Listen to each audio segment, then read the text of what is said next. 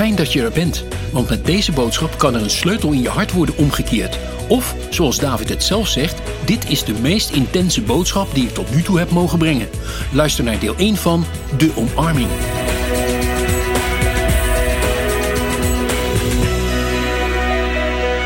Waar ik vanavond over spreken mag is de omarming. En dan heb ik het gelijk over de knuffel die je hier achter mij ziet. Op deze fantastische ledwalls. Vindt u ze niet geweldig, die ledwalls? Ik vind het echt, ik vind het... Ik ben er zo van onder de indruk. Maar dan, dit, dit is natuurlijk een heel bekend schilderij. Ik had een kleintje gegeven aan Louis Gigolo als aandenken in Nederland. En hij opende het cadeau en zei: Oh, the prodigal, the story of the prodigal. Dit is natuurlijk het verhaal van de verloren zoon. En dan gaat het even om deze omarming. En ik was begin van dit jaar, of misschien zelfs eind vorig jaar, in een van onze lokale Bijbelwinkels. Waar je boeken kunt kopen van David de Vos en anderen. En Jan Pol moet je wel ver zoeken hoor. Je hebt zo'n sale-afdeling, weet je wel. Dan heb je identiteit en autoriteit en uh, dat soort dingen. Pas op hoor. En toen ik daar was, toen vond ik dit plaatje van de omarming. En daar stond boven, en misschien heb je ze wel gezien, die plaatjes. Je bent geliefd. En ik dacht, die is voor mij. Ik wilde mee naar huis. En ik ben de hele tijd neergezet bij mij op kantoor. En elke keer als ik er naar keek en die omarming zag, dan spraken die woorden tot mij. Je bent geliefd. En dit is natuurlijk zo'n mooi beeld van een jongen die er zo'n puinhoop van had gemaakt.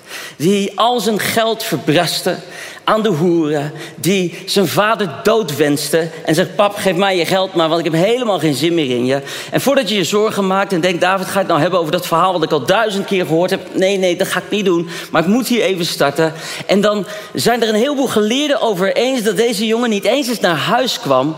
omdat hij sorry wilde zeggen tegen zijn vader. Eigenlijk kwam hij naar huis ook weer vanuit een egoïstisch motief. Hij was naar een platzak geraakt en er was een hongersnood. En hij zat te schillen te eten bij de varkens. En hij dacht, ja, een dagloner bij mijn vader heeft het nog beter. Misschien als ik voor hem werk, dat ik in elk geval weer wat te eten heb. En je kent het verhaal. Zijn vader die staat op hem te wachten. En die rent hem tegemoet. En is zo blij om hem te zien. En, en haalt alles uit de kast om te vieren dat zijn verloren zoon weer gevonden is. En als ik dan naar die knuffel kijk, naar die handen kijk, die intense omarming die plaatsvindt in dit schilderij, dan zijn het handen die in zijn zonde kwamen. Het zijn handen die zijn onreinheid aanraakten. Het zijn handen die zijn verwerpelijke gedachten richting zijn vader aanraakten. Het zijn handen die datgene in hem aanraakten waar deze jongen zich zo voor schaamde. Het is mijn Jezus die de laatste aanraakt. Die niet bang was voor besmettelijke ziektes ben heel benieuwd hoe Jezus was omgegaan met COVID. Geen idee of hij mondmasker zou dragen. I don't know. Ik weet het niet. Maar in de Bijbel, als er melaatse komen, zei ik ben onrein met zo'n dingetje. Weet je wel? En nu zouden ze zeggen, COVID, COVID, weet je wel. Oppassen. Dan, dan, was Jezus niet bang, maar hij, hij raakte hem aan in die onreinheid. In de zonde werd deze jongen opgenomen. En als hij dan begint te praten, dan zegt hij: Vader, ik ben het niet meer waard om uw zoon te zijn. Dan laat hij hem niet uitpraten. Maar dan zegt hij: Kom, ik ben zo blij dat je er weer bent. En het is belangrijk dat we feest gaan vieren. En, en je kent het verhaal, maar hij raakt hem aan in die omarming. En begin dit jaar, januari, kwam ik in een hoogtepunt van een persoonlijke crisis. Ik had al heel veel jaren het gevoel dat ik niet helemaal ertussen pas. Ik ben een beetje anders. Ik heb er vanmiddag al iets over gezegd. En Jan Pol dacht dat altijd al. Maar hij heeft nooit de goede woorden gevonden om me uit te leggen wat dat dan was. Ja, grapje. Maar ik, ik was op zoek gegaan en ik dacht, ik moet mezelf veranderen. Want word wat snel boos en geïrriteerd. Ik heb scherpe randjes, ik heb vast wonden uit het verleden. En ik, nou, ik heb de ene therapeut naar de ander versleten. Het is allemaal enorm de best gedaan. En tegelijkertijd bleef ik cirkeltjes draaien. Het voelde soms alsof ik een hond was op zoek naar zijn eigen staart. En in dat hele proces raakte ik uitgeput. Wanhopig. En heel erg depressief. En het is nog best vers en daarom vind ik het ook moeilijk om erover te spreken. Maar ik wil het doen, want ik weet dat er anderen zijn die dit verhaal nodig hebben. En aan jezelf toegeven dat het niet meer gaat. Aan jezelf toegeven dat het echt heel moeilijk is. Zeker als je denkt, ja maar gast, jij bent David. Dat zullen mensen nooit begrijpen als je dat zegt. De allereerste keer 2012 toen ik burn-out raakte, kreeg ik opmerkingen van met God ben je nooit burn-out. Ben je er al achter dat God je aan het einde van jezelf wil brengen, zodat Hij het van je over kan nemen? Het is eigenlijk best heel mooi, maar dat zeg je altijd pas achteraf. Vooraan wil je het daar niet over hebben. Ik was zo vastgelopen dat ik serieus heb overwogen. Ik moet opgenomen worden. Ik kom er niet meer uit. En het is een struggle geweest voor mij en voor Joyce. En uh, we hadden lieve vrienden om ons heen, mensen die ons hielpen.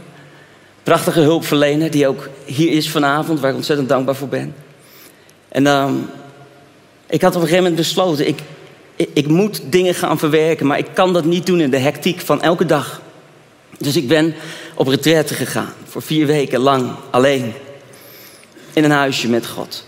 En het allereerste wat ik meenam was een onderdeel van dit schilderij, die omarming. Die jongen waar ik, ik me kon herkennen. En dus die grote letters, je bent geliefd, die zette ik midden in de woonkamer. En elke keer als ik daar binnen liep, liet ik die woorden tot me spreken. David, je bent geliefd.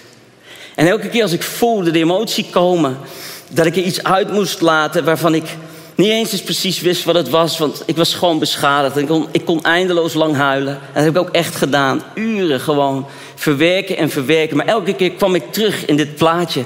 Je bent geliefd. Het mag er zijn. Het is oké. En um, het is een heel bijzondere maand geweest. En een vriend van mij zei: David, je moet het vergelijken met een Holy Spirit Hospital. Klinkt natuurlijk heel chic, maar het was eigenlijk best wel een pittige tijd. En tussendoor um, kwamen we geliefden langs. En, en ik heb er doorheen geworsteld. En, en stapje voor stapje kwam ik steeds een stukje verder. Maar dit schilderij liet mij niet los. En ik begon er meer naar te kijken. Ik, ik begon om mensen totaliteit te bekijken. En ik wilde eigenlijk naar Sint-Petersburg vliegen, naar waar die hangt. Want ik dacht, ik moet dat ding echt zien. Alleen ook dat zit dicht door COVID, dus dat tripje zat er niet in. Maar wat ik had, was dit plaatje. En ik, ik heb hem heel groot inmiddels hangen op mijn kantoor. En toen ik er naar keek, toen dacht ik, het is eigenlijk veel meer dan alleen die verloren zoon.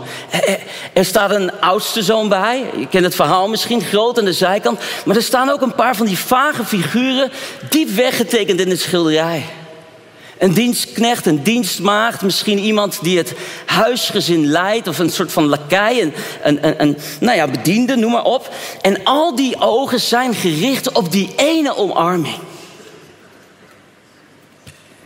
En als ik daarnaar kijk, dan vraag ik me af: wie zijn die figuren? Hoe staan ze daar? Met welke emoties en waarom? En toen ik er naar keek, toen dacht ik: ja, ben ik nou de verloren zoon of niet? Ik denk nee. Ik ben geen hoerenloper. Ik heb niet al mijn geld verbrast. Ik heb niet al mijn geld opgegokt. Ik heb mijn vrouw niet verlaten. Ik probeer het echt netjes te doen. Dus ik denk, ja, die gast die ben ik niet, weet je. Um, nou ja, dan, dan maar de oudste. Nou, de oudste zoon, om aan jezelf te willen toegeven dat je een oudste zoon-syndroom hebt. Ik weet niet of dat een diagnose is, maar een oudste zoon-syndroom. Anders kunnen ze hem, uh, je mag hem overnemen van me trouwens, een oudste zoon-syndroom uh, in, je, in je kliniek. Maar je oudste zoon, dat, dat, is, dus, dat is eigenlijk zo'n gast die niemand anders wat gunt. Die egoïstisch is, die alles zelf wil doen, die zijn eigen broertje niet lief heeft, maar zo bezig is met zijn eigen wereld. Ja, maar die gast, die wil ik ook niet zijn. Oké, nou volgende dan. Misschien dan de, ja, die, die, die, die, die lakij of zo, of, of, of de dienstmaagd. Nou, dat lukt natuurlijk al helemaal niet, want ik ben een man. Daarachter nog iemand, ja, die staat zo ver weg. En ik keek ernaar en weet je, ik kwam tot de volgende conclusie.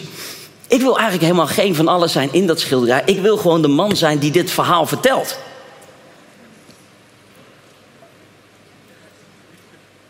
Want dat was de perfecte zoon. De zoon van God. Hij vertelde dit verhaal. En ik heb gepreekt, totdat ik erbij neer viel, dat we allemaal meer op Jezus moeten gaan lijken. En ik meen het met mijn hele hart, maar ik ben erachter gekomen dat het me nog steeds niet echt is gelukt. Op zondag wel, maar maandag. En dan zeggen ze, ja, je moet je vlees kruisigen. Nou, dat doe ik met mijn hele hart. En tegelijkertijd lijkt het alsof mijn vlees op maandagmorgen uit de dood opstaat. Ken je dat? En dan ga je Bijbelstukjes lezen waarin Paulus zegt: Ja, juist de dingen doe ik die ik niet wil doen. En dingen, amen. En, dingen, en daar herken je je in. En je komt erachter, je bent aan het worstelen, je bent mens. En je hebt moeites met bepaalde delen van jezelf die je niet kan en niet wil accepteren. En waardoor komt dat? Dat komt omdat ik ben opgegroeid met een perfect christelijk beeld van hoe een perfecte christen zou moeten zijn. Nou, kijk maar, hier staat hij. Oeh. Natuurlijk niet. Maar er is wel een soort van supergoal waar we met elkaar naar streven. En daarvoor willen we niet te veel praten over onze schaduwzijdes. Want dat vinden we lastig. En dat vinden we moeilijk. En als we dan naar dit plaatje kijken, dan zeggen we ja, ik zou toch liever Jezus zelf zijn. Maar omdat dat niet echt gaat lukken, gaat mijn voorkeur uit. Ja, dan maar die omarming. Maar om die omarming te kunnen krijgen, moet ik dus toegeven dat ik toch, ja, verloren ben een hoerenloper was? Ja, maar dat ben ik niet. Maar wie, wie ben ik dan? Wie mag ik zijn in dit schilderij? Zal ik je vertellen wat ik denk? Er zijn momenten dat ik me herken in het ene karakter. En er zijn momenten dat ik me herken in het andere karakter.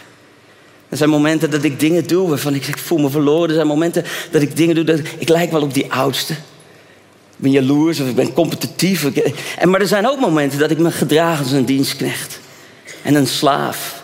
En dat ik eigenlijk de liefde van de Vader niet waard ben voor mijn gevoel. En vooral maar hard werken en hoop op zijn goedkeuring. Als ik eerlijk ben, schiet ik steeds in een andere rol. En daarom vind ik het zo mooi dat dit beeld zoveel meer is als alleen het verhaal van de verloren zoon. Het is een plaatje van het huis van de Vader. En als we dan kijken naar wat de Bijbel zegt, 2 Timotheus 2, vers 20 en 21. In een groot huis zijn er niet alleen voorwerpen van goud en zilver maar ook van hout en aardewerk.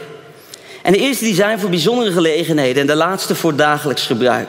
Als iemand zich van alle kwaad gereinigd heeft, wordt hij bijzonder en geheiligd voorwerp. Dat zijn eigenaar vele diensten kan bewijzen en geschikt is voor elk goed doel.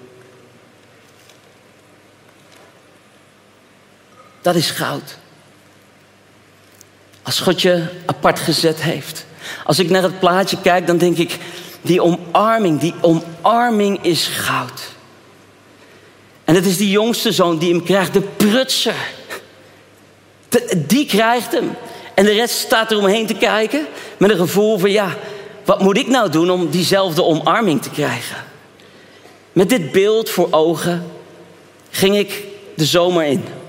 En ik nam dat prachtige boek mee van Henry Nouwen, die gaat over dit verhaal. En Henry beschrijft daarin hoe hij zich in eerste instantie natuurlijk herkent in de verloren zoon, net als ik, en later eigenlijk steeds meer toe moet geven dat hij toch wel heel veel trekjes heeft van de oudste zoon. En ik denk als je al wat langer rondloopt in het koninkrijk van God, grote kans dat je ergens het oudste zoon virus hebt opgelopen. En wat ik daarmee zeggen wil, is dat je neer kan kijken op mensen die net komen kijken in het koninkrijk. Het idee hebt dat je toch wel iets meer verdient, omdat je al zo ontzettend goed je best hebt gedaan. Al die tijd heilig geleefd. Hè? Al die tijd goede, nooit wezen stappen, nooit helemaal losgegaan. Nou, nou, daar heb ik toch wel wat verdiend, heer. Ik heb toch wel op zijn minst een schouderklopje verdiend. Want ja, als u er niet bent, nou, dan, dan had ik het, de bloemetjes buiten gezet. Dus ik heb dit toch niet allemaal voor niets gedaan. De gedachtes van de oudste zoon. En laten we eens lezen wat er gebeurt. Lucas 15, vers 25. De oudste zoon die was op het veld. En toen hij naar huis ging en al dichtbij was, hoorde hij muziek en gedans. En hij riep, hij riep een van de knechten bij zich en hij vroeg wat het te betekenen had. En die knecht die zei tegen hem, uw broer is thuisgekomen. En uw vader heeft het gemeste kalf geslacht omdat hij hem gezond en wel heeft teruggekregen. Maar hij werd woedend. En hij wilde niet naar binnen gaan. Maar zijn vader kwam naar buiten en trachtte hem te bedaren. En hij zei tegen zijn vader: Al jarenlang werk ik voor u en nooit ben ik u ongehoorzaam geweest. Als u mij iets opdroeg En u hebt mij zelfs nooit een geitenbokje gegeven om met mijn vrienden feest te vieren. Maar nu die zoon van u is thuisgekomen, die uw vermogen heeft verkwanseld aan de hoeren, hebt u voor hem het gemeste kalf geslacht. Zijn vader zei tegen hem, mijn jongen, jij bent altijd bij me. En alles wat van mij is, is van jou. Maar we konden toch niet anders dan feest vieren en blij zijn, want je broer was dood en hij is weer tot leven gekomen. Hij was verloren en hij is teruggekomen.